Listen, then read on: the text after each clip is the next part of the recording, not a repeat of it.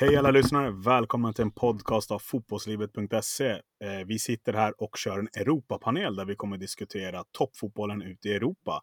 Tanne Nelson heter jag och med mig har jag Fad Lujombia och Isak Majanja. Eh, grabbar, sorry om jag uttalar era namn fel. Eh, ni kanske får uttala dem själva, men jag tänker, kan ni berätta lite kort om er själva? Och då tänker jag, ni behöver inte gå in i livshistorien, utan mer eh, var ni, varför ni vill sitta med i panelen här och vilket lag ni egentligen hejar på. Varsågod Fad. Ja, jag kan Lujombia, börja. du får börja. Lujombia får börja. Nej men alltså jag... Eh, kort och gott, om jag ska tala i fotbollstermer så fotboll har varit en del av mitt liv. Eh, jag har spelat fotboll sedan så länge jag kan minnas. Men eh, i Vasalund, som eh, många känner till. Men likt alla andra fotboll, jag är uppväxt i Husby, det är en förort. Man kunde inte så mycket kunskap om fotbollen, utan det var ut och spela. Eh, jag var plattfotad, är plattfotad. Drog på mig många, många småskador hela tiden. Så kom man till tonåren och eh, annat vart, vart roligare. Sen har jag eh, kollar alltid på fotboll, alltid kollat på fotboll i olika omgångar. Det fanns en period där jag kollade på TV, datorn, paddan, telefonen, kollade så fyra olika CL-matcher. Så tack och lov att de delade upp dem.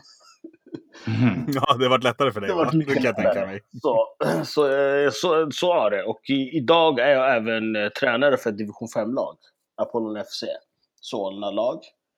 Så jag älskar fotboll. Jag älskar att prata fotboll, analysera fotboll, spela fotboll, träna fotboll. Så där är jag. Och eh, mitt favoritlag är Inter. Det började 98 när Ronaldo skrev på. Sen har det varit sju bedrövelser, åtta sorger, men likt alla andra, man sviker inte sitt lag. Sen gillar jag även AIK i Sverige. Och det är också sju bedrövelser och åtta sorger. Men... Eh, ja, du, du, har inte valt de bästa lagen om vi uttrycker Nej, jag har inte valt de bästa lagen. Vi hade en liten period där med Inter mellan 2006 till 2010, men det var ju, det, det, var, det var ju den. Sen har det ju varit bara nerför. Så det är ja, lite kort om mig. Jag, jag kan ju inte säga emot dig där. Så att, ja. eh, jag tänker, Isak, du får köra vidare. ja, jag vet inte. Det lät sorgligt, men det lät roligt också. Nej, hur... För min del, ja, det, allt började väl i Tensta. Jag är född och uppväxt i Tensta. Eh, hade fotbollsplaner eh, runt omkring. Gick alltid ner och spelade fotboll. Tills en dag min pappa bara, okej okay, nu ska du spela ordentlig fotboll. Så han eh, skickade ner mig till Spånga IP och eh, jag började träna med Indor Orhoi. Och eh, förvånansvärt blev jag målvakt, vilket inte var hans dröm, men det, det blev så. Eh, och det gick väldigt bra faktiskt, jag ska inte klaga faktiskt och fick börja träna redan med A-laget när jag var typ 16 år. Så ja, jag är faktiskt nöjd med min eh, fotbollskarriär och sen eh, så när det gäller fotboll och bara överhuvudtaget hur det gäller varför jag är intresserad av att prata om det, det är faktiskt Fadlu Jombia. det, det är så det har blivit. alltså, han kunde ringa mig och då snackar vi om, inte mobiltelefon, hemtelefon. Och bara, hur, hur går det med Barca? Hur känner du? Vad, vad händer nu? Varför, hur tänker du? Och så blev intresset egentligen när det gäller att prata om fotboll. Och eh, jag gillade inte så att kolla på fotboll tills en dag när min pappa bara, om du ändå ska spela fotboll, då måste du börja kolla på fotboll. Och jag var nio år. Och den matchen som vi skulle kolla på, bokstavligen, där jag fastnade, det var verkligen Bayern München mot Manchester United. Och, oh, även om finalen där, det, det, den kommer jag ihåg. Den kommer jag ihåg. Det är så här, om inte du gillar fotboll eller något, alltså det, efter det, du, du, du måste. Alltså du måste. Det var magiskt. Och efter det så fastnade jag faktiskt eh, för fotboll och fortsatte kolla. Jag hade ju kollat VM, för det var kul. Det var, en, alltså, det var typ en festival för allihopa. Men eh, efter det så fastnade jag. Och sen kommer jag ihåg att vi var vi var en av få som hade Viasat Sport, eh, kabel-tv. Och då visade de ju La Liga och Rivaldo var ju på, Rivaldo spelade i Barcelona.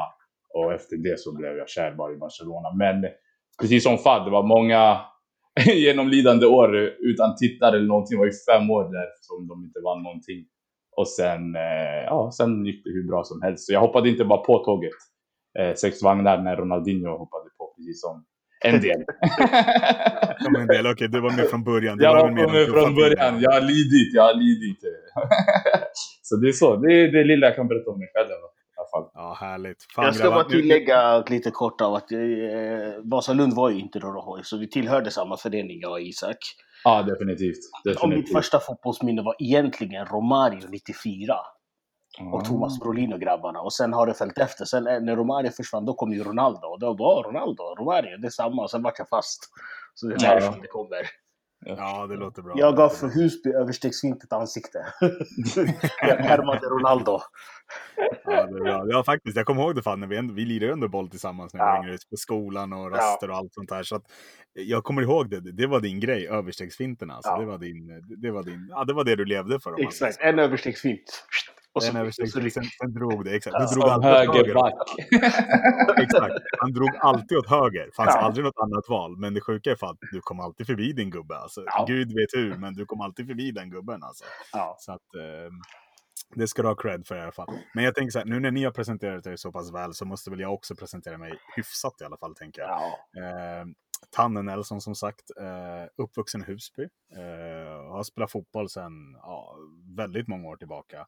Eh, älskar fotboll, är en United-supporter faktiskt. Så att eh, vi, har, eh, vi har väl lite knackigt för tillfället. Då, så att, vi har haft lite dalar och toppar och ja, you name it. Så att det- är lite tuffare, men det börjar se ljust ut nu hoppas vi på i alla fall. Då. Så att det är väl lite kort om mig själv. Men jag tänker grabbar, vi sätter igång direkt här. Jag tänker, tyska ligan har ju avslutats. Bayern München, vinnare åtta år på raken om jag inte är helt fel ute. Eh, Mm. Och så har de förstärkt med Leroy Sané till nästa säsong. Mm. Alltså har de andra lagen en, ens en chans? Nej. Vad tänker ni där? Nej, alltså nej. Jag tycker i alla fall inte det. Så Speciellt när det gäller Dortmund. Dortmund har alltid en chans tills de alltid börjar sälja. Alltså deras mål är ju väl få in, sälja. Så det blir, det blir nästan inte kontinuerligt. Men eh, jag tror inte i alla fall de har chans. Nej, jag tror inte heller de har chans. Men framförallt på hur, hur välskött den där föreningen är, Bayern München. Alltså den är så välskött. De har, eh, de har, de byggde ett lag eh, 2008 där. 2009, 2010 fyllde de på. Först byggde de med de här uh, unga tyskarna, Schweinsteiger, Müller. Och sen så fyllde de på med Ribéry, Robben. Så hade de ett lag eh, som Jupp Heynckes stod till toppen. Eh, de bytte riktning med Pep. Men hade fortfarande samma lag. Och nu har de Ja. bytt ut det laget igen till ett bra lag. Så Leroy Mm. Sané är bara, eh, alltså det är bara en prestigevärvning. De har ju redan ett fantastiskt, en fantastisk maskin. Och det är det jag undrar faktiskt hur de har tänkt med så många yttrar med Leroy Sané, Kingsley Coman, Perisic, Nabri. Alltså, ja, det blir väldigt intressant hur de ska utnyttja alla de här faktiskt. Ja, det blir det. För jag tänker, nu tackar de ju nej till Coutinho också, fick jag, om man har läst rätt. Så att de tackar ju nej på att förlänga lånet eller köpa loss Coutinho. Så att eh, Mm. eh, det känns som sagt, jag, jag tror inte heller riktigt att de andra lagen har någon chans, utan det här är ju ett... Det, om något annat lag vinner tyska Bundesliga så är det för att Bayern München har gett bort titeln till Ja. det laget, skulle jag Ja. till slut Ja, just, det hela. just nu de prenumererar bara på titeln. Ja, faktiskt. Det, det, det måste jag. Ja, jo, men det, det är ju löjligt. Åtta år på raken. Det, det, man brukar inte, det är väldigt ovanligt i en högsta serie i den här klassen. Och då Alltså- vill jag ändå påpeka att Dortmund är inte så dåliga precis. Nej. Nej. Och Bayern München är det enda laget som vi tittar på på många, många år som byter ut en tränare mitt i säsongen, ändå lyckas vinna ligan relativt enkelt. Faktiskt. Alltså det, Ja, det är faktiskt, när glömma. du säger det. de- Vem, var- vem var det som fick kicken nu? Det var Niko väl Kovac. va? Niko. Kovac, va? Ja, just det. Han fick kicken också. Så det, ja. Så ska man titta på, då ska det egentligen vara ett mellanår för att de ska få en ny, en ny tränare och han vinner ligan så han kommer ju få stanna. Men det är det, de hittar de här tränarna som är riktigt bra. Alltså, Ja. nuvarande tränare, jag tror inte folk känner till, men han var ju assisterande av- under VM när de Mm. vann 2014. Så han har vunnit VM, han känner ju till. Och de flesta spelarna kommer ändå från Bayern München och så, så Ja. han vet hur det är att vinna. Så Mm. det, är ingen, det är inte bara en tränare runt hörnet, han har varit med. Faktiskt. Men det är ju det, alltså det är föreningen i helhet, Bayern Ja. München, som faktiskt eh, gör så här. Alltså man måste ha ett mål som förening, som klubb, som gör att det finns en vinnarkultur och det har de ju alltid egentligen haft. Exakt. ja, de har ju de här gamla pamparna. Rummenigge, Beckenbauer, Ja. eh, Mattias Sammer är väl där. Mm. Alltså, det, det Hassan Salihamidzic är väl Ja, sportchef. så att det är ju inga... Det är ju herrar som har vunnit en hel del under sina år som aktiva spelare och även tagit steget upp till tränare, ledare, sportchefer eller alla andra Ja. fina titlar, roller som man kan ha och fortsatt den traditionen. Så det är ju en, eh, stark klubb måste man ju säga. Fast på ett bra sätt. Man tittar på andra lag, om jag ska jämföra med Milan försöker göra likadant. Men Maldini legend, men ingen bra sportchef. Boban fick ju sparken. Alltså om man ska jämföra hur de har gjort, till skillnad från andra lag som försöker ta efter, så har de ändå fått in rätt personer i, i styrelsen. Alltså, Ja, i- på de tunga posterna, ja. Det har de posterna. Faktiskt. faktiskt. Ja, sen måste jag ju säga, om, det här får jag ställa frågan till er till. Jag tänker lite själv så här, de värvar ju väldigt bra Bayern München. Det är ju väldigt Mm. sällan, alla lag har floppar, så är det ju. Man betalar mycket pengar, man får inte riktigt ut 100% av en spelare, men det är ju väldigt sällan de gör sådana värvningar. Alltså det, det är klart man kommer på några, Royce var väl ingen höjdare, eh, Timo Schuck när eh, Pep köpte där var väl inga höjdare heller, men de flesta värvningarna, de träffar ju rätt på dem. Och, Väldigt Ja. bra. Och mycket, en del har varit också från Dortmund. Eh, Ja, de har ju plockat det. över liksom Hummels. Ja, han gjorde tre, fyra bra år, så skickar de tillbaka honom. Ja. Ja, men samma Götze sak. var ju Han- prestigevärvning. Han var ju väl den som, den som inte lyckades. Så skickade de tillbaka honom också. Mm. Ja, och tog tillbaka en del pengar för det också. Så Ja. att det är inte helt... eh, Nej, det är en maskin om man får uttrycka sig så skulle jag ju säga. Ja, Ja, precis. Ja. Som man beskriver tyskarna. exakt. Det, det, det, det är tysk fotboll ganska väl beskrivet. Då, så Ja. att, eh, Nu Så gäller det för dem att faktiskt då hitta ett sätt i Europa. För där har de ju inte... De har ju bara en Europa... De hade ju där mellan förra mil- eh, sekel, eller vad heter det? Mellan 2009 till 2011, då hade de ju... Eller 2012, då hade de ju ett par finaler i rad. De förlorade en och så kom de till final. Två finaler och så vann de en. Men nu har de inte varit i toppen på Europa. I alla fall inte i final sedan dess. Sedan Nej. 2013. det stämmer, det stämmer. Så att Mm. det, de får väl fundera ut på vad de behöver göra mer i. Europa. Ja. eh, jämfört med tyska ligan då, eller Mm. hemma i Bundesliga. Men jag tänker grabbar, tyska ligan är avslutad så vi ska inte fastna allt för mycket där. Jag tänker vi går faktiskt vidare till den spanska ligan. Isak, jag måste ju nämna ditt lag här, Barca. Nu vann de senast, men vad händer? Alltså det, det, det går ju rykten, ska Setien få sparken? Ska Xavi ersätta? Alltså vad händer i Barcelona grabbar? Det, det, vad, vad tänker ni där? Isak, speciellt du som är en riktig Barca-supporter. Ja, det... Hur ska man säga? Jag förstår alla Barca-supporter som känner sig väldigt förvirrade. Men eh, det är ingenting faktiskt som chockar mig längre. När det gäller Barcelona. Så jag är alltid beredd på att så, sådana saker ska hända. Däremot när det gäller eh, Setien. Han kommer få stanna kvar som de har sagt. Och Xavi kommer inte ersätta. Han har precis skrivit på ett år. Men däremot efter det året så tror jag att Xavi tar över. Och eh, jag pratade lite tidigare med Fader och, och tänkte bara så.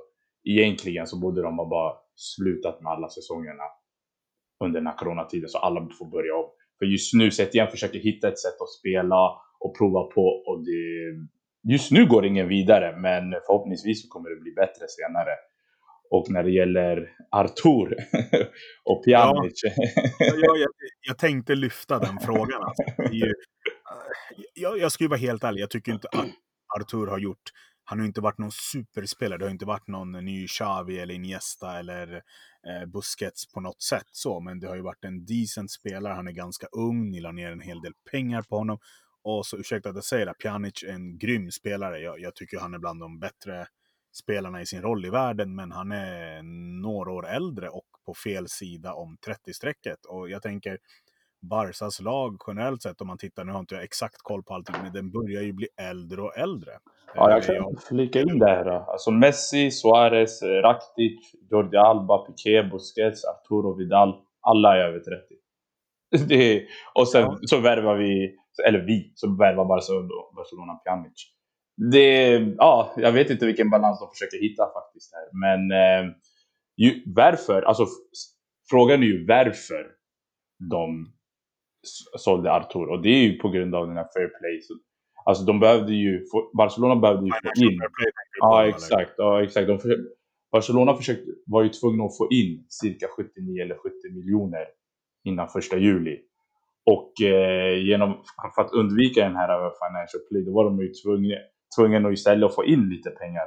Och då gjorde de genom att eh, ja, sälja Artur och köpa Pjanic. Och genom att köpa Pjanic, då är det som att de ger tillbaka pengarna till Juve som de har lånat. Så det var så här för att undvika den här eh, financial play. Men jag vet inte hur vad det kommer, vad det kommer ge alltså på, på gräset egentligen.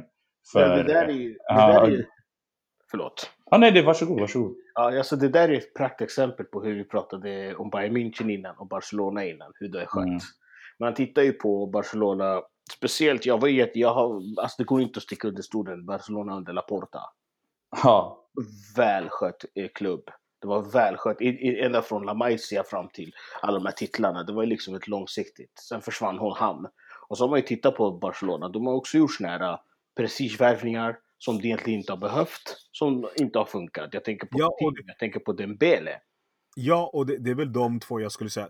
När man sålde Neymar, ja. då, då kändes det som att Dembele, Coutinho, alla de här, det var bara liksom så här prestigevärvningar. Man hade ingen aning om hur de skulle passa in i spelsystemet. Precis. Alltså att vi köper bara in de här. Jo, men du kan inte köpa en Coutinho som har samma roll som Messi och Messi är världens bästa spelare. ja, men alltså, det är för mig, jag förstår inte logiken i det hela. Nej. Så att, eh, det är väl där jag känner. Och det är väl Isak, där får du som supporter av kanske bäst koll på Barca av oss. Där måste du väl få flika in lite att det känns som att man har bara värvat prestige och inte tänkt efter. Hur funkar det här i vårt lagbygge? Uh, och det är väl ett problem som de, nu ligger de två och bara någon pinne efter i allt, så att de är ju inte liksom fy skam så, men att det känns inte som att det finns någon långsiktig plan i det här.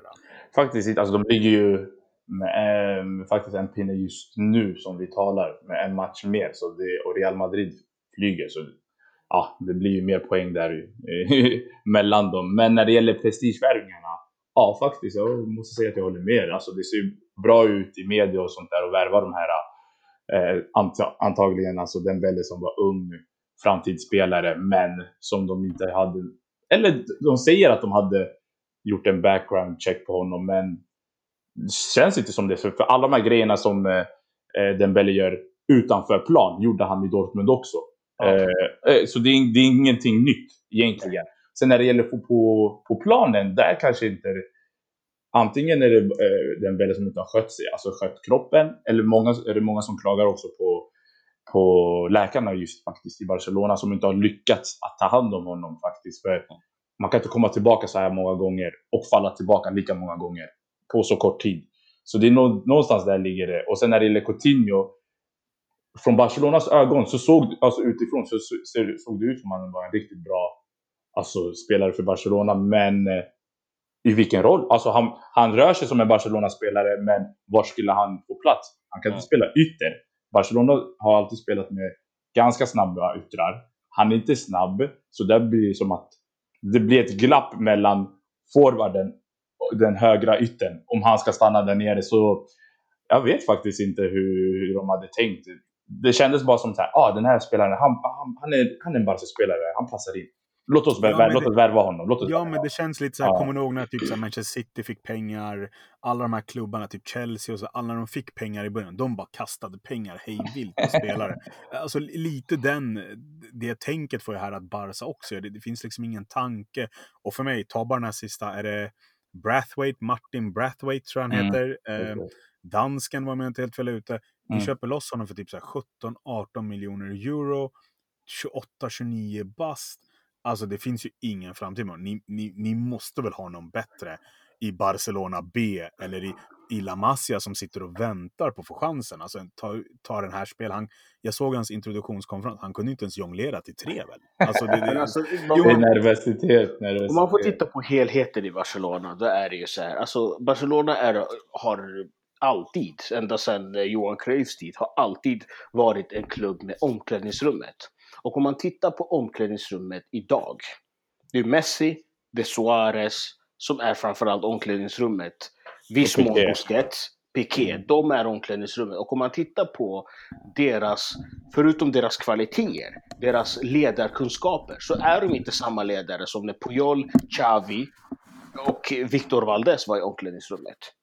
Och det är väldigt viktigt att se. Samtidigt så tror jag också det är väldigt viktigt att, att se att Barca-ledningen lyssnar väldigt mycket på omklädningsrummet och den delar upp det. Så jag menar, alltså, vilket annat vinnande lag byter ut en tränare och leder ligan mitt i säsongen?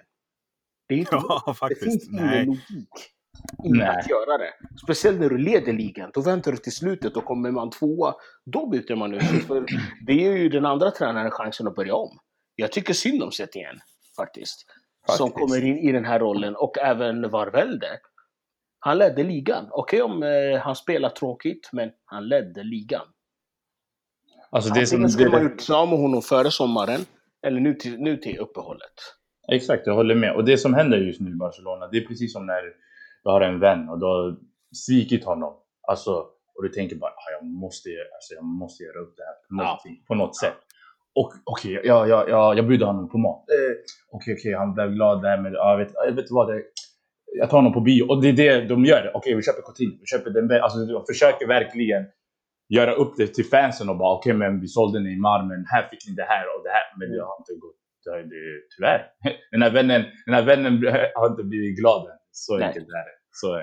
Ja, och det, och, det, tror jag har mycket att göra med själva kulturen. Alltså i Barcelona-kulturen, alltså allt ifrån den högsta, högsta hönset ner till den lägsta spelaren, alla måste ha, gå mot samma mål. Idag är omklädningsrummet inte, de ledarna i omklädningsrummet är inte de ledarna som var bara för 6-7 år sedan. Och de Nej. ledarna för 6-7 år sedan hade ett helt, ett helt annat tänk. Ja. Än de här. Nu bara att ja, men ta in honom. Tycker Messi att han, han kan spela med honom, det funkar bra. Vad säger Suarez? Alltså Suarez skulle ju Barcelona sålt för tre år, två år sedan och tagit in honom.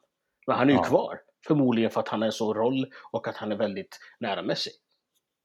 Och, det man kan ja, och, där måste, och där måste jag väl tänka, där är väl oftast det är väl mycket diskussion där. Hur mycket påverkar Messi eller inte? Jag vet att Abidal gick ut lite tidigare under året och sågade spelarna för att de inte ville ta lönesänkningar och det var och de som bestämde. Och lite som du nämner Fad, att det, det är spelarna, omklädningsrummet som verkar bestämma. Och om man jämför med till exempel Bayern München så är det ju tvärtom. Där är klubben som bestämmer. Så här jobbar vi. Vill ni spela här, då är det det här som gäller.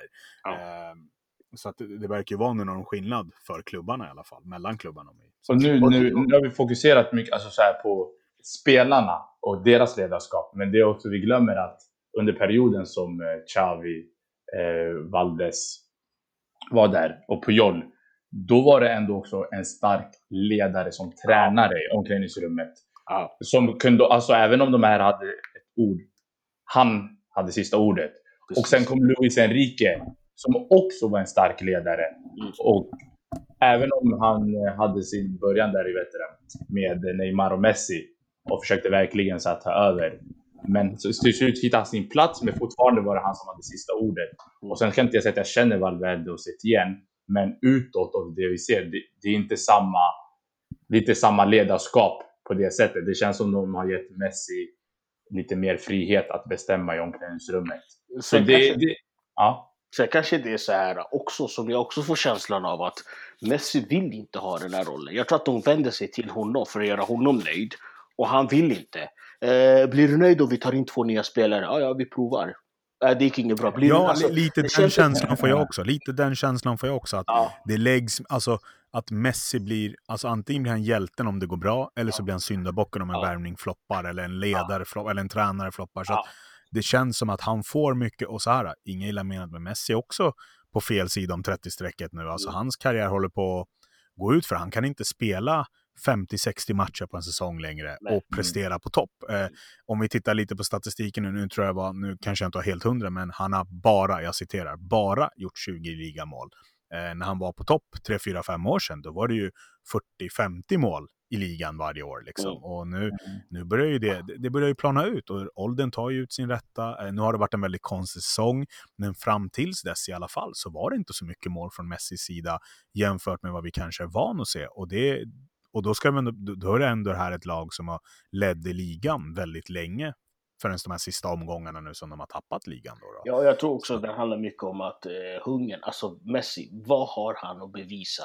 Hans antagonist lämnade Spanien. Det var alltså, han har ingenting att bevisa i Barcelona, speciellt inte i Spanien. Han, kan, han, han har fortfarande nere i Europa. Han skulle lätt kunna få en roll som Cedorf hade i Milan. Att de viktiga matcherna så presterar han, alla andra matcherna så lunkar han och det funkar ändå. Men det var en annan sak när Ronaldo var i Spanien. För då fanns det ju någon att kunna jobba mot. Det fanns ju liksom två stycken som skulle ta rekord på rekord på rekord på rekord. Nu är det ju så. Och just nu anstränger han sig ännu mer under matcherna, för förut hade han ändå lite lekkamrater på ja. mittfältet. Nu ska han agera mittfältet och agera ja. tia som ska ge bollarna till Suarez. Så det blir lite, det blir lite för mycket för honom att ta hand om, även om han är världens bästa fotbollsspelare enligt mig. Men det blir för, han har inte så många att leka med faktiskt. Just nu, han saknar ju Neymar från tidigare och han har ingen, alltså mittfältet byts typ varje match. Så det, det blir svårt för honom att veta vem han ska Alltså hitta den här bara kontinuiteten med någon, eh, med någon spelare. Just nu är det lite med Arturo Vidal och sådär, men han hoppar in och hoppar ut också i mittfältet. Så ja, han får agera för mycket i fel ålder. Mm. Om han var yngre, då skulle han kunna hålla ut. Men nu i den här åldern, det tar, det tar stryk på kroppen faktiskt. Ja, och då, då känner jag ju, då måste vi ju prata om eh, superkonkurrenten Real Madrid. Eh, de har ju, det känns ju som att de har gjort en bättre generationsväxling. De försöker också få ut de här lite äldre spelarna med lite yngre spelare, men de har ändå lyckats kanske bättre med den här omställningen, eh, generationsväxlingen, som alltid är jobbigt. Det är inte alltid lätt att generationsväxla, men där känner jag att Zidane, i alla fall innan, precis innan serien tog ett uppehåll på grund av coronapandemin, så började han, han började få ordning på Real. Va, va, vad tänker ni kring dem då, grabbar? Alltså, ja, ja, han har fått i ordning på Real. Real är, en, Real är ett, ko ett kollektiv, vilket han behövde göra eftersom eh, de inte längre har den här superstjärnan eh, och att Benzema klev fram. Men däremot så måste man ändå säga att jag tycker trots allt att jag, skulle jag, alltså, jag tror att Real har fler nivåer. För om man tänker efter, de är bara en poäng, men man match mindre spelad än Barca. Och de har ändå gått ganska stabilt, medan det har varit kaos i Barcelona. Så jag tror att det finns mer i Real att ge. Och jag tror att det handlar om att han behöver banta truppen. Och faktiskt till nästa säsong ha en generationsväxling. Nu har han ju många äldre spelare också som finns i truppen som påverkar negativt. Det är bara att titta på Bale. Eh, han gör ju ingenting. Jo, men alltså sådana spelare drar ju till sig uppmärksamhet ändå. Och det är inte bra för, för laget. Nej. Nej, det är sant. Det är sant. Så att, nej, men jag tänker ju, de har ju fått in Casemiro, Rodrigo, Asensio. Alltså, eh, det finns ju fler att nämna, men de har ju fått in dem och det känns som att de är på väg åt rätt håll i alla fall. Som sagt, de, de gör ju en generationsväxling också, men det känns som att deras generationsväxling går smidigare, skulle jag väl säga. Ja, de har fått smyga in sig på den faktiskt. Jag tror inte ens mm. En del har tänkt på den tills nu. Alltså det har kommit successivt faktiskt. Och, och eh, jag vet att det är många Real Madrid-fans som har ifrågasatt en del spelare och säger bara nej, varför ska den här spela? Men de har fått komma in. Alltså de kanske spelar en match och försvinner de. Mm. Och sen kommer, han, så kommer den här spelaren tillbaka igen och får spela kanske två, tre matcher. Och till slut, de har ju fått, alltså de kommer ju in. Eh, jämfört med andra spelare i, i andra lag där det är så här, press nu, ja ah, du misslyckas, hej då. så får du inte spela någonting mer. Men jag tycker att han har faktiskt lyckats där och få in det lite så här, sakta men säkert och så. så. Och nu med tanke på att de fick den här vilan så tror jag också att vissa spelare har ju tagit sin tid och försökt bevisa genom att träna kanske på, på eget håll och så. Och sen har de fått chansen så har de kunnat bevisa det på plan. Så jag tycker på något sätt, alltså de har smugit in på Europa faktiskt, de här spelarna. Och de gör det bra. Det. Och sen får man ju inte glömma heller att det är ju så här, alltså det var ju som när Zidane tog över Real första gången. Jag vet att jag och Isak pratade väldigt mycket om det. var det här att alltså man vill spela för Zidane. Det är bara det att ha honom som tränare lockar. Mm. Faktiskt. Ja, sen är han en bra tränare också så att det skadar ju inte om man ja, säger så. Ja, det är en bra att, tränare. Han, kan, han säger själv, han kanske inte alltid är den bäst taktiska tränaren, men han vet hur det är att få ett lag att jobba åt ett håll. Det är hans största styrka. han vet hur det är att vinna. Ja, precis. Han vet hur att vinna. Exakt vad som krävs. Mm. så ja, det, är rätt, det måste vara rätt man just nu på plats. Ja. Han är ju det. Alltså, det är bara att kolla tidigare de tre åren när han var Champions League. Mm. Och sen nu ser det ut som de kanske vinner ligan. Så, men som du nämnde också tidigare, får inte glömma att det är, nu vinner de när det är verkligen kaos i Barcelona. Alltså, för Barcelona ledde ligan väldigt länge. Så, ja, det är väl den sista ja. två omgångarna egentligen om man ska, om jag, om jag inte är helt fel ute som eh, Real har gått om. Det har inte varit innan dess, utan Barca mm. har egentligen lett i typ 32, 30, 31, 32 omgångar och så har de tappat de sista två, tre omgångarna nu. Så vi, och då måste jag ju få fråga, Isak, har mm. Barca en chans att knipa guldet eller är det Real Madrids guld? Um, min första tanke när du ställer frågan, Real Madrid vinner ligan. Det är det jag tror. De måste tabba sig, men jag ser inte dem göra det faktiskt. Uh, så jag tror Real Madrid vinner ligan. Det, enkelt svar. Alltså, jag kommer inte säga varför eller någonting, men det är bara, bara när du ställer frågan. Det är bara det jag kan tänka. Ja, Real Madrid vinner ligan. Just nu är det många som snackar om VAR, straffar och sådär. Må vara, men det spelar ju ingen roll. Alltså, just, de spelar bättre fotboll än motståndarna och bättre fotboll eh, än Barcelona. Så På då, jag, tal tror om, de, jag tror de vinner ligan. på tal om det, den gode Mourinho, citatmaskinen sa jag alltid, alltså efter 38 omgångar så är det så att det jämnar ut sig. Alla fördelar, alla nackdelar man får.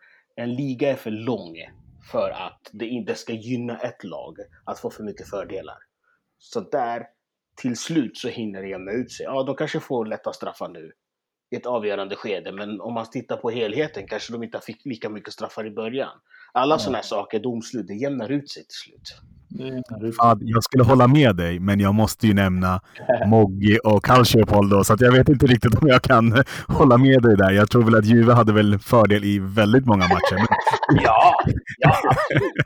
Det hade de ju. Och det, ni, Nej, skämt åsido, skämt åsido.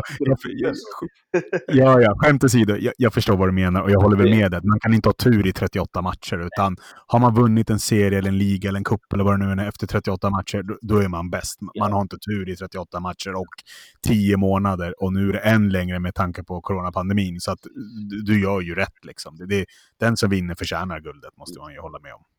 Ja, förhoppningsvis. Ja, förhoppningsvis. förhoppningsvis, förhoppningsvis. Eh, grabbar, jag tänker vi måste ju prata lite, när vi ändå pratar lite Calciopol och eh, italienska ligan och Juve. Jag tänkte vi sm smyger över lite på italienska ligan här. Fad, Inter, ni låg ju också extremt bra till i väldigt många omgångar, men har nu på de senaste omgångarna, lite även, du får gärna rätta mig, men även lite innan eh, eh pandemiavbrottet där så börjar det ju dala lite neråt för Contes grabbar. Eh, hur skulle du summera säsongen hittills som en Inter-supporter? Väntat. Jag är nog den enda Inter-supporter som ser väntat. För att jag menar, tittar man på, alltså Inter gör, de har nog tagit efter så som Juventus gjorde i Italien för några år sedan.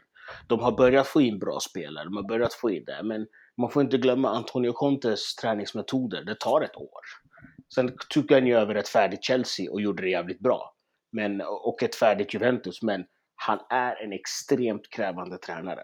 Det blir mycket skador, det blir mycket så. Så inte, vi har ett väldigt bra första elva. Men vi har en ruggigt dålig bänk. Och nu märker man ju, man har märkt det när vissa spelare går sönder. Brozovic går sönder, Barella går sönder, eh, Lukaku ur form, Martinez ur form. Vi har ingenting att komma med. Och det tror jag, alltså för mig är det väntat att det skulle vara så. Det tror jag att han eh, inte behöver bygga på en, en eh, bättre trupp. Och Conte behöver få ett år till, för han är en krävande tränare. Jag är bara positivt överraskad på hur det var alltså, fram tills nu. Och eh, jag är inte, alltså inte besviken, det är inte rätt ord, men alltså jag hade inte förväntat mig det inte gör nu överhuvudtaget. Så Mm. jag tycker det är en bra säsong. Jag tycker också det är en bra säsong. Jag är nöjd och jag vet ju att många Inter-fans blir väldigt törstiga efter att vinna. Vi väldigt, man är trött på det här Juventus eviga vinnandet och eh, det är ingen som riktigt kan utmana. Men jag tror att alltså, det kommer ta något år till innan man är riktig utmanare. För att vi bygger ett lag som ska, vi bygger en vinnarkultur med eh, Marotta, med Conte, hela den här grejen att vinna, bygga ett vinnande lag som kan generationsväxla utan att tappa. För det har vi inte haft sedan 2010. Nej, och jag tror väl att tålamod måste väl vara nyckelordet i ert arbete kring det här. Och Ja. eh, ehm, det är väl det, och jag skulle väl, jag vet att du kanske inte gillar jämförelsen nu, men Juventus är ju den italienska motsvarigheten till Bayern München, om man Mm. kan Ja. uttrycka sig så. Det, det, det är ju också en maskin som år på år har, fix, har alltså värvat extremt smart och deras värvningar har slagit ut och lyckats. Det är ju Ja. det som är grejen. Så att de har ju också någon extrem eh, det är väl kultur där, liksom, att det är Ja. en ära att spela där. Och, det, det, det är liksom, och det, där tror jag väl att Inter kanske behöver bygga om och få den där kulturen och skapa den. Och det är som du säger, det, det går ju inte att göra på ett år, utan Nej. det tar ju lite tid att bygga upp någonting nytt. Ja, en hel kultur. För Inter har ju alltid varit den klubben som kallas Pazza Inter. Fram tills, när, fram tills de åren Zlatan spelade, då hade vi den här kulturen, då hade vi det här. Men sen efter eh, trippen så ville ju de skära ner på kostnaderna. Bort alla stjärnor. Sen har vi ju också varit vilsna, precis som Milan, hittat ett ägare. Nu har man ju fått in ägaren. Fått in strukturen. Om man jämför med, ja, med Juventus som är bra att jämföra med, när de åkte ner till Serie B efter Calciopoli, de kom tillbaka till Serie A. Men det tog dem fem år innan de var ligan. Och sen har de stannat där. Det tog ju inte dem direkt, de hade ett bra trupp. Men det tog dem fem år. Ja, det tog några år faktiskt att bygga och vinna Serie A igen ju, så det tog Precis. några år för dem. Men de, de hade väl inte samma press på sig att vinna på det sättet från supportrar heller, utan ja. eh, alla förstod väl att okej, okay, nu, nu laddar vi om. Sen om man tar den situationen och diskussionen där, de åkte ju ner men de fick ju behålla väldigt många duktiga spelare Precis. som gjorde att de tog sig tillbaka upp igen. Då, då. Men även kunna behålla den kulturen. Ja. Eh, så att eh, vi får väl hoppas. Men som sagt, jag, jag skulle inte säga att Inter har gjort någon jättedålig säsong. De ligger ju ändå på en fjärde plats med en match mindre spelad. Vinner de den så ligger de faktiskt eh, tvåa, mm. skulle jag säga. Eh, det är ju inte, matematiskt sett är det inte omöjligt för dem att gå, och alltså, ta ikapp Juventus, men det känns ju lite avlägset. Eh, Juventus leder med åtta poäng. Eh, nu torskade ju de senast i och för sig, Juventus tror jag det var, mot Milan. Men så ja, helt... Och så kryssade de mot Atalanta igår. Ja, så att eh, det, det, är inte helt omöjligt, men eh, det känns som att, ah, det känns som att titeln är Juves och tappar bort om man säger så. Då. Ja, och egentligen den enda svagheten Juve har, det är deras tränare. Alltså Sarri passar inte in i Juve.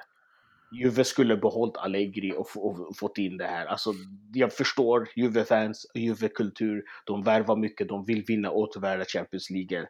Men alltså, jag tycker personligen att gå från Allegri till Sarri var ett downfall. För Allegri byggde en Allegri slutade väl, om du får gärna rätta mig, men jag uppfattar som att han slutade väl. Han vill väl ja. prova på något nytt. Han fick väl inte kicken, eller? Utåt sett säger de att han slutade, men det då, han var ju redan trött och de var trötta på honom redan den sista säsongen. Så okay, det kan alltså, ja, det, nej, det kan, ja. det, det kan du mycket väl. Jag, jag säger inte emot, du har nog bäst koll på italienska. Jag säger inte att han fick sparken, men utåt sett så slutade han. Men jag tror, jag tror också att det var ömsesidigt, båda var trötta på varandra. Men jag, jag tycker att alltså, Sarri är en otroligt duktig, duktig tränare i så smålag, men jag, jag ser inte Sarri att vara den här tränaren som ska ta Juventus till att vinna Champions League. Vem ser, vem ser, du som den tränaren? Jag vet att du inte är en Juventus-supporter, men vem skulle kunna vara den rätta personen att föra Juventus till Champions League? Det måste vara, alltså, om Juventus vill spela attraktivt i Champions League, det måste vara en tränare som Pep, som går in och säger att så här jobbar jag. Jag köper klubben, men på plan bestämmer jag hur det ska gå till. Inte spelarna, ingen annan, inget annat. Det finns inte det där just nu. Utan Allegri hade blivit problem med vissa spelare och vissa attityder. Sarri verkar ha problem med vissa spelare. Han får inte till sitt eget spel. Han kan själv gå ut och kritisera sina spelare efter vinster. ja, han är väldigt öppen, ja. väldigt öppen kring det i alla fall. Det måste man ju... spelar för långsamt. En tränare som inte är nöjd med ett spel i ett lag som ska vinna är på fel plats. Så. Och Pep har erfarenheten av att vinna Champions League. Som både spelare och ja. tränare. Ja. Så jag tror han kommer in med den pondusen. Precis som när Zidane kommer in med den pondusen till, och Pep spelade, till Real Madrid. Ja, och Pep spelade den fotbollen Juventus vill spela. Egentligen. så, det är en tränare som jag skulle kunna se. Skulle han gå över till Juventus av någon anledning, då säger jag att de vinner Champions League inom två år. Så är det, för han kommer liksom göra det likadant som han gjorde i Bayern München. Han respekterar klubben, hur det är, men han kan få, de ger honom utrymme att få in sina idéer. Och de spelarna som inte passar in skulle han göra sig av med och ta in dem han behöver. Och kräva det. Ja. Vilket Sarri inte kan göra. Han kan inte kräva liv på samma sätt. Han har Nej, han känns ju lite mer som en han känns ju mer som en, det fanns bara han kvar. Precis. Alltså, ja. förstår man? Jo, men alltså lite så. Jo, men det känns lite så. Det, fann, det fanns ingen annan att ta. Jag hade ju tyckt att Ancelotti kanske hade varit den personen. Men eh, nu om jag inte helt fel så hade väl han ett jobb innan, innan han fick sin kicken där också. Så att, eh, men eh, han var väl lite så okej, okay, Conte tog, drog till Inter, okej, okay, Allegri slutar eller sparkades, eller kalla det vad man vill vi har ingen annan. Det är Sarri som är intressant. Det finns ja. ingen annan vi kan plocka. Och Conte eh. slutade ju för att han, för att han hamnade i, i, i konflikt med ledningen av att han vill ha vissa spelare, de ska spela på ett visst sätt och ledningen sa nej, då slutar han. Ja. Så att ja, det, det, blir intressant. Men som sagt, jag tror ju, tippar lite som ni säger, jag tror in, Juve tar guldet. Ja, eh, Lazio måste jag dock säga är en förvåning. Det är inget dåligt lag, men det är ju inte det namnkunnigaste laget om man Nej. tittar på papper. Så att eh, de har väl gjort extremt bra. Atalanta också Atalanta, måste man ge ja. Atalanta specifikt nog. Eh, Eh, Nej, både Lazio och Atalanta, de har haft samma tränare, de har fått börja jobba i det tysta, de har fått bygga upp och därför är de där de är. För mig som följer italienska det är ingen förvåning för att medan de här topplagen som vill utmana Juventus, både Napoli, Inter, till en viss mån Milan de sista åtta åren. De har bytt tränare, bytt spelartrupp, bytt tränare, bytt spelartrupp medan Atalanta och Lazio, de har, Lazio har haft Simone Inzaghi, jag vet inte hur många år som helst. Han har fått ta in sina spelare, han har fått bygga. De har inte sålt. Har de sålt har de sålt jättedyrt. Så Lazios president Lotito, de kallar ju, han är ju en advokat. Han är den som köper jättebilligt, säljer jättedyrt och han är illa omtyckt i Italien för han lägger mm. över priser. Och även Atalanta, där de har Gasperini som har haft jättelänge. Han har fått jobba i det tysta. Nu har han en trupp. Den truppen skulle, och, och den köptes inte sönder förra året utan han fick behålla samma trupp in i Champions League. Och det tror jag har hjälpt. Ja, kontinuitet, kontinuitet brukar ju alltid hjälpa. Precis, så att, eh, och du nämner lite Milan och då, vi kan ju inte avsluta, vi kan ju inte prata italiensk fotboll utan att prata om vår svenske kung eller gud eller vad han väljer att kalla sig. Våran egen Zlatan Ibrahimovic. Eh, nu, nu spelar ju de match nu, men tidigare, sista två matcherna har han gjort två mål på två matcher. Hur mycket har han kvar i tanken boys? Till, eh, tills den här säsongen tar slut. Ja. det tror jag faktiskt. Och sen eh, blir det intressant vad det blir för val, om det blir ens eh, fotboll eller utanför fotboll. Eller om det blir en, eh, ja, en avslutning här i allsvenskan. Eh, ja. Lite lägre nivå. Men jag, jag, och jag tror, jag tror det här blir det sista på den här nivån. Eh, det tror jag också. Ja, han är ju inte ung längre. Jag tror han är 38 om jag inte är helt fel ute. Fyller så 39. Att, eh, är det 39 till och med? Ja, där ser man. Han fyller 39. Så att det är ju inte den yngsta pojken längre, utan Nej. det är en eh, liten äldre man. Men han är ju, som sagt, gör han två mål de senaste två matcherna, han, det är ju fortfarande klass i honom. Sen kanske det inte är samma klass som det var för, som det var för tio år sedan, men det är ändå klass i den mannen om man säger så. Då. Men Zlatans största styrka, det är ju det är ju de här, det är, det är de här unika spelarna. Jag brukar sätta Zlatan i den kategorin, jag sätter gärna Drogba i den kategorin, jag sätter Ronaldo i den kategorin. De, de har ju sånt jävla disciplin och så jävla, alltså de ger inte upp, de blir inte mätta. Plus att de har en förmåga att höja sina spelare. Jag vet att jag har sagt det här många gånger. När Milan vann ligan sist, vem var Nocerino? Och vem var Nocerino efter det? Vem var Boateng? Och vem var Boateng efter det? Alltså Zlatans kommer in, han ställer inte bara krav på... Han, han, alltså, han är nog en jobbig jävel på plan. Och det är det, han gör det som behövs. Så trä, en tränare uppskattar nog en Zlatan i sitt lag. Som nu, nu, nu har de slagit eh, Juve, de har slagit eh, Roma och nu leder de mot Napoli. Milan som var totalt katastrofala i höst. Och jag tror att mycket av det han gör, han ställer krav. Väldigt mycket. Ja, ja, det kan jag nog tänka. Man har väl läst lite tidningsartiklar. Han kanske inte är den lättaste lagkamraten att ha att göra med, men mm. han ställer krav. Det, det, kan jag tänka mig. Han vill vinna. Han vill vinna ja. till varje pris och han är villig att offra allt och alla för att vinna. Mm. Så att, eh, ja, alla de här spelarna som du nämnde, Fadde, alla har den här vinnarmentaliteten. Precis. Det är, det är exakt det det gäller faktiskt. Ja. Och vissa har en vinnarmentalitet men de har också en pondus som mm. de kan visa utåt och de spelarna har lyckats göra det. Och Zlatan är ju verkligen på högsta nivå när det gäller den delen. Och det är det som gör att de håller efter de har fyllt 35. Medan alla andra spelare blir mätta, tappar och allting. Det är det som gör att Zlatan kommer tillbaka från en svår skada, fortsätter leverera. Drogba spelade den tills han var 40. Eh, Cristiano kommer spela i fem år till, minst, på den högsta nivån. På grund av det. Men en intressant grej nu när du nämnde de här spelarna, speciellt när det är Ronaldo och Zlatan. Det är många spelare som kommer från en bakgrund där de måste bevisa mycket också. Ja, så är det. Speciellt när det gäller, alltså Zlatan vi känner vi till hans historia. Mm. Ronaldo likadan. Plus att, alltså det är bara, alltså att det kommer från den bakgrunden. Plus att han måste alltid bevisa gentemot Messi. Ja. Hur mycket, alltså, så det, det, jag tror det ligger något, någonting i det också när det gäller eh, just de spelarna.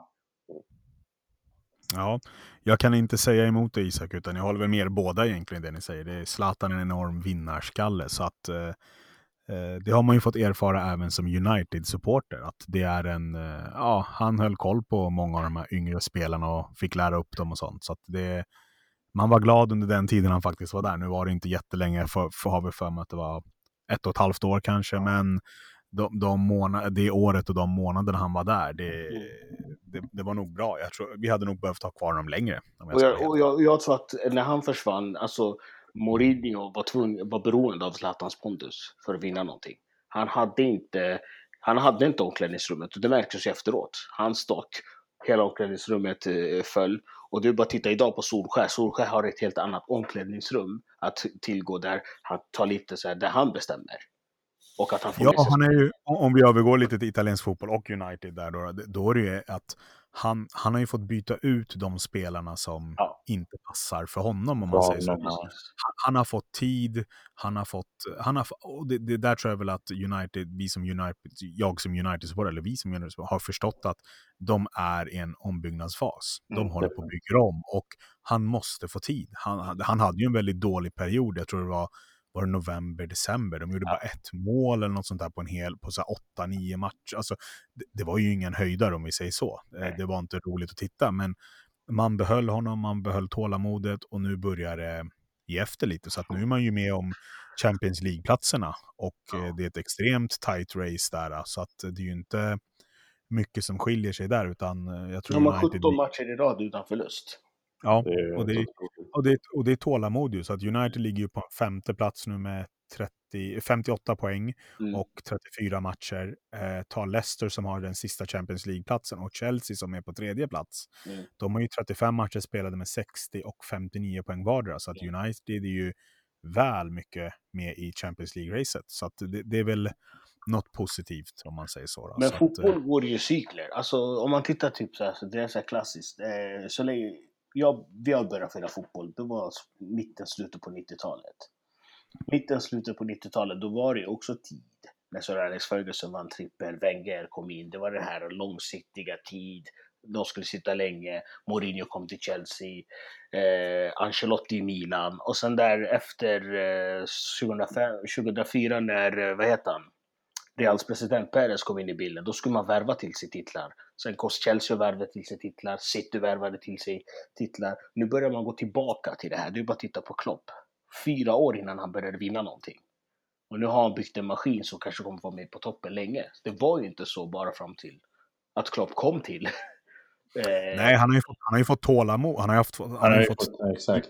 Ja, de, har gett, de har haft tålamod med honom och förstått att det här är inte en ensäsongsgrej, utan han måste få tid på sig att bygga och få in de spelarna han vill. ja, Och det är väl därför de har vunnit Champions League. Och han har, de har ju spenderat enorma pengar också, Liverpool. Det är ju inte så att de, han har byggt med egna spelare, utan han har fått en mix med inköp av spelare, de spelare som finns där, Ja. och yngre spelare som har tagit större plats och blivit tongivande. Så att eh, det är som du säger, och det är väl där det, det är väl en liten ny cykel, att man, man, man behöver ha mer tålamod. Och jag tror nog att det, det kommer nog gälla än mer nu Fad med tanke på att coronapandemin, man har inte lika mycket pengar att röra sig med, man, man kommer nog inte heller våga röra sig på det sättet som man gjorde innan. Så Riskera, nej.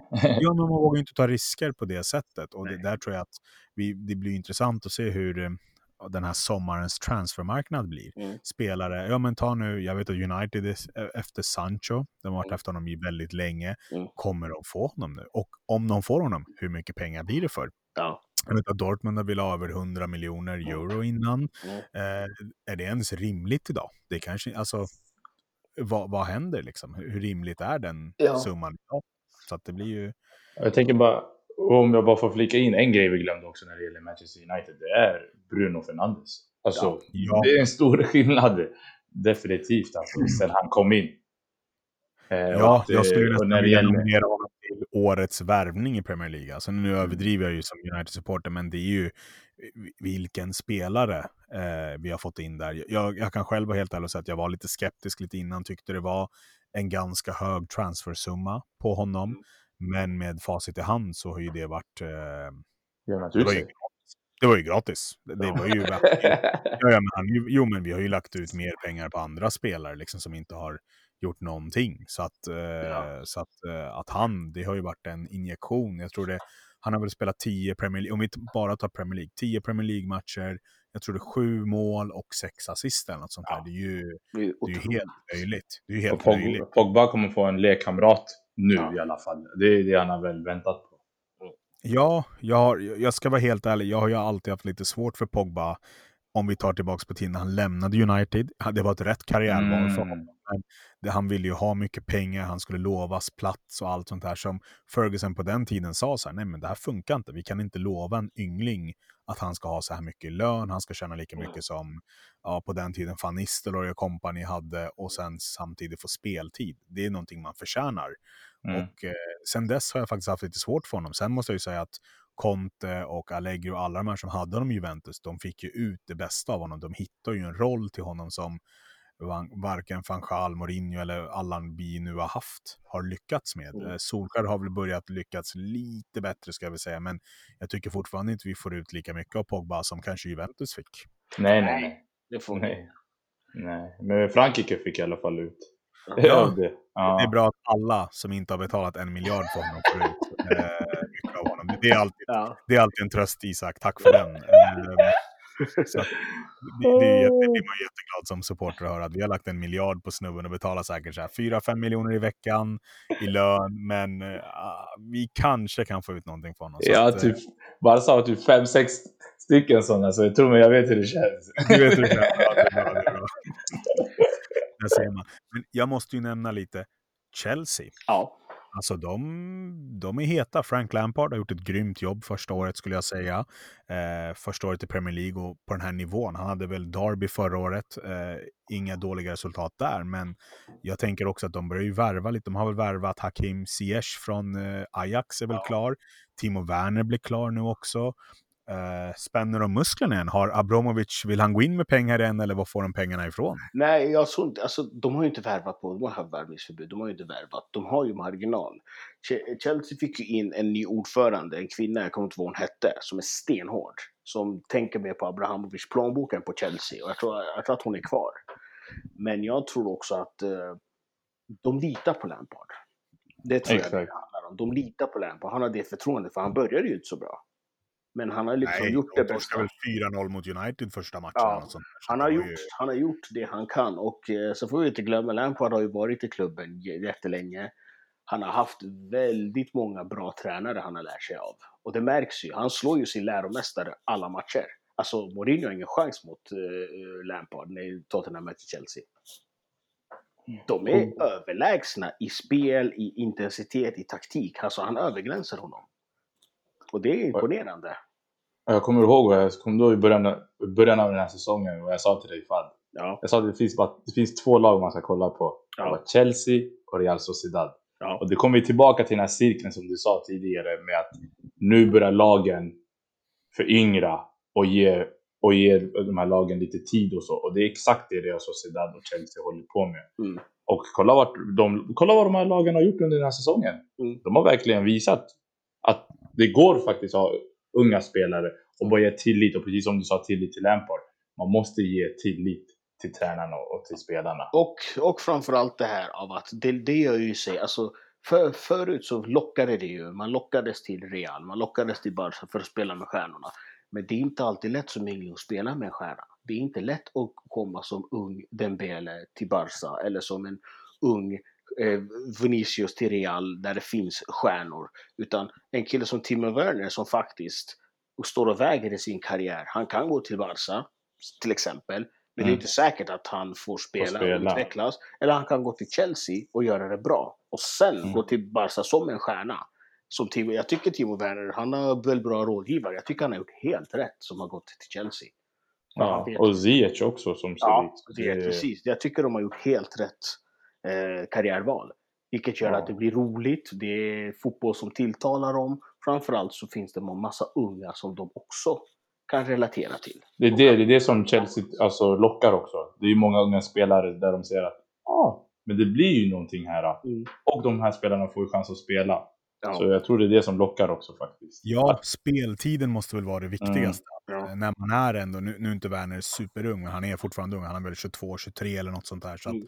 speltid är ju det viktigaste för att utvecklas och ta nästa steg. Eh, och lite som du nämnde Fadder, att man, man är väl inte lika sugen på att dra till Real Barca på samma sätt. Man har väl förstått innebörden av att så här, men jag kan inte som 19-åring ta en plats i Reals eller Barsas, alltså första lag och startelvan. Det är inte så lätt. Eh, Utan ja, men om vi tar Barca, ja men det är Messi och Suarez. De abonnerar på två av tre platser, så får den tredje platsen roteras lite. Eh, och Real är väl lite samma sak. Benzema har ju en plats. Liksom. Modric eller Kroos har en plats också. Eh, mm. Ramos har en plats i backlinjen. Så att det är inte alltid lättast att ta de här platserna. Så att, Nej, men det, det, är intressant att se hur de här eh, yngre spelarna tänker idag jämfört med tidigare. Som du nämnde, för att då var man ju bara, ah, men jag ska till Real. Jag vill bara krita på för Real. Jag mm. bryr mig inte, liksom. det är en stor klubb. Jag vill, jag vill till Real. Mm. Eh, eller Barca, eller United, eller Juve, Inter, vad man nu hade för favoritklubb. Liksom. Ah, men det är en stor klubb, jag ska dit bara. Ingen liksom, konsekvenstänk kanske i det hela. Mm. Nej, och man har ju lärt sig också. Alltså, jag menar, du bara tittar på, om man bara tittar på, om man ska ta Real som ett praktexempel eh, tar de in unga spelare, då tar de in flera unga spelare på kort tid så att det inte blir så här. Men ska de ta in en ung stjärna? Ja, de försökte ta in en hyfsad, han var inte jätteung, men han var hyfsad ung stjärna. Han gjorde det bra i början. Det var Bale. Vad hände sen? Vem kommer ihåg Bale? Så jag, jag, jag, jag, jag håller med om att det, unga idag kanske har blivit mer, förmodligen tillgängligheten. När man var yngre själv, man tittade på 300 text-tv, 733 eller vad den heter. 377 va? Ja, 377 skulle jag säga att det var. Man såg att, eh, du kollade, du såg United, Andy Cole gjorde mål. Man vill spela för, för United till exempel, men var det rätt karriärval? Nej. Men nu kanske man gör rätt karriärval, för det känns ju också som att fotbollskarriären är längre nu än vad den var för bara 15 år sedan. Alltså det är mer en business. Just nu tänker de också efter fotboll. Ja. Det, är, det är inte bara under fotbollskarriär. Och, Nej, det känns som att fotbollsspelarna där, som du nämner Isak, där har ju mm. fotbollsspelarna blivit smartare kanske, mm. eller, eller mer medvetna kanske de är. Att det finns en karriär efter, vad kan jag få efter? Och Exakt. de är, ni, ni får gärna rätta mig, förutom Messi och så här, det finns alltid några undantag, men generellt så tror jag att man vill inte, man, vi kommer nog inte få se spelare som spelar hela sin karriär i en och samma klubb längre. Jag, jag tror det kommer bli mer sällsynt att mm.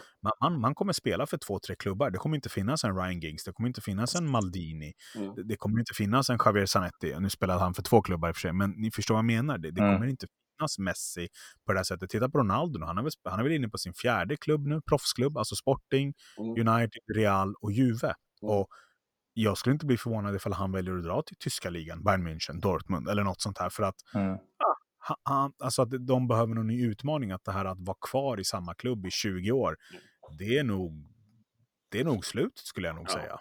Det, jag, tror inte, det, jag tror inte det bara kommer från spelarnas sida, jag tror också klubbarna själv ja.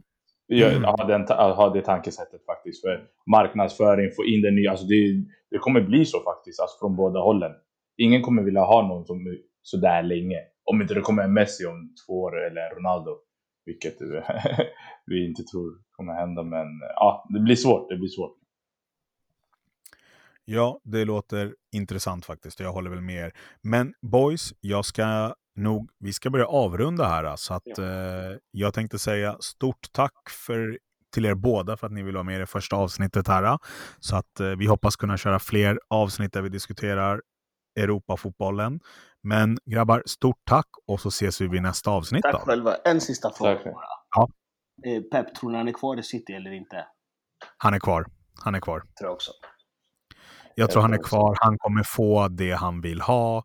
Eh, vinner han dock inte, mm. då kan det vara så att ja, då kan man ju köra nästa eh, offentliga i alla fall. Han valde att byta. han lägger i, men, lägger i stilen. Men, han lägger i stilen, men han får nog kicken skulle jag ju säga. Ja. Så att, eh, eh han måste vinna nu, för att han har ju inte heller vunnit alla gånger sådär rakt av upp och ner, utan det har varit lite instickare. Conte han, väl, han har väl bara vunnit bara och bara, han har väl vunnit två av fyra ligatitlar ja, och Champions League har inte gått något vidare och nu kanske de inte är kvar i Champions League. De kanske inte får spela alls de kommande två åren. Så ja, han blir... måste ju vinna i år, Champions League. Ja, definitivt. Måste, annars kan det vara så att han han lämnar ytterligare en klubb utan en Champions League-seger. Så att, eh, då, då, då, måste jag ju få ställa frågan, nu torskade vi mot, som United-supporter så torskade vi mot Barca, han hade sin glanstid där eh, två gånger i finalen. Så att, eh, jo men var det Pep som vann eller var det laget som vann?